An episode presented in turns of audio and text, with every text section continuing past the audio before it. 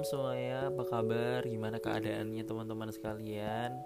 Uh, eh, BTW kita udah hari keberapa ya stay at home kayak gini kita udah kayak bener-bener nggak tahu lagi mau ngapain di rumah ya kan uh, semoga di sini teman-teman semuanya selalu diberi kesehatan dan semoga juga pandemi corona ini segera pulih dan kita bisa kembali lagi ke aktivitas kita masing-masing seperti itu.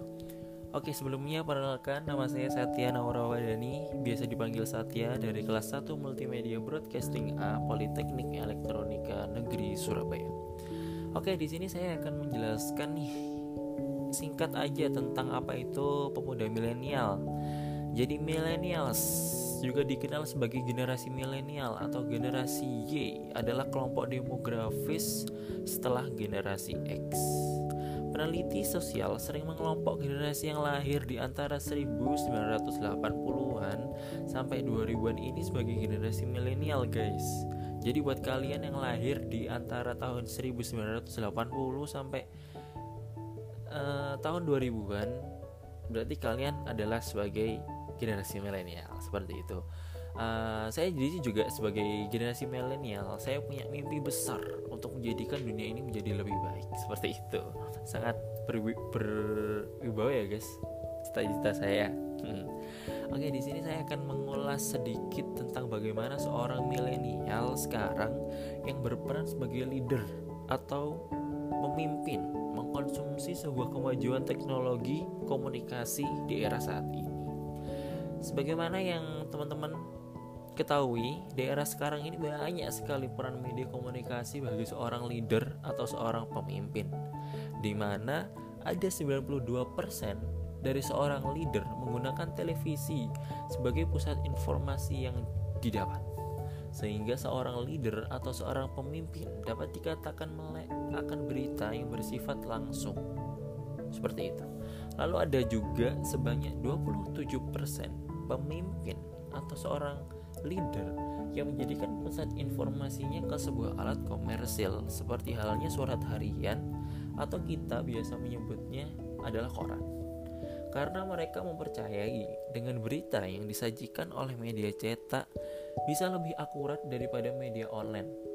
Lalu untuk media lainnya seperti web, WhatsApp, Facebook, YouTube, dan Instagram atau hal lain semacamnya mereka menggunakan itu untuk hiburan semata karena memang di saat itu eranya belum populer dan mereka merasa itu bukan wadah yang tepat untuk mencari sebuah informasi dan menjadikannya hanya sebuah hiburan seperti itu.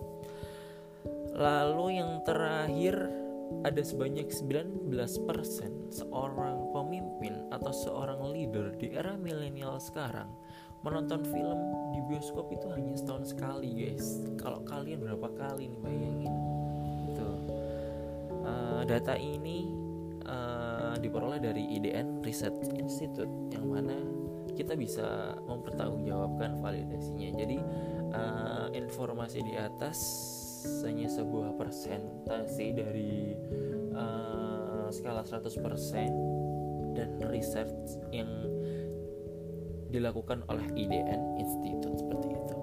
Lalu di akhir kata uh, ini aku ada kata-kata buat kalian semuanya. Jadi kita sebagai uh, generasi milenial, walaupun kita bisa dikatakan generasi mm, yang bukan baru-baru banget atau yang terdahulu, akan tetapi tidak menyurutkan untuk kita menjadikan media sosial komunikasi ini sebagai ajang kebaikan Jangan pernah mengucar kebencian, berita hoax, dan lain sebagaimana yang akan menjadikan dunia ini atau bangsa ini menjadi terbelah terbelah. Karena memang prinsip dasar negara kita adalah berbeda-beda tapi kita tetap, tetap satu cukup sekian mungkin itu adalah sedikit informasi buat kalian semuanya. Salam damai dari millennials. Wassalamualaikum.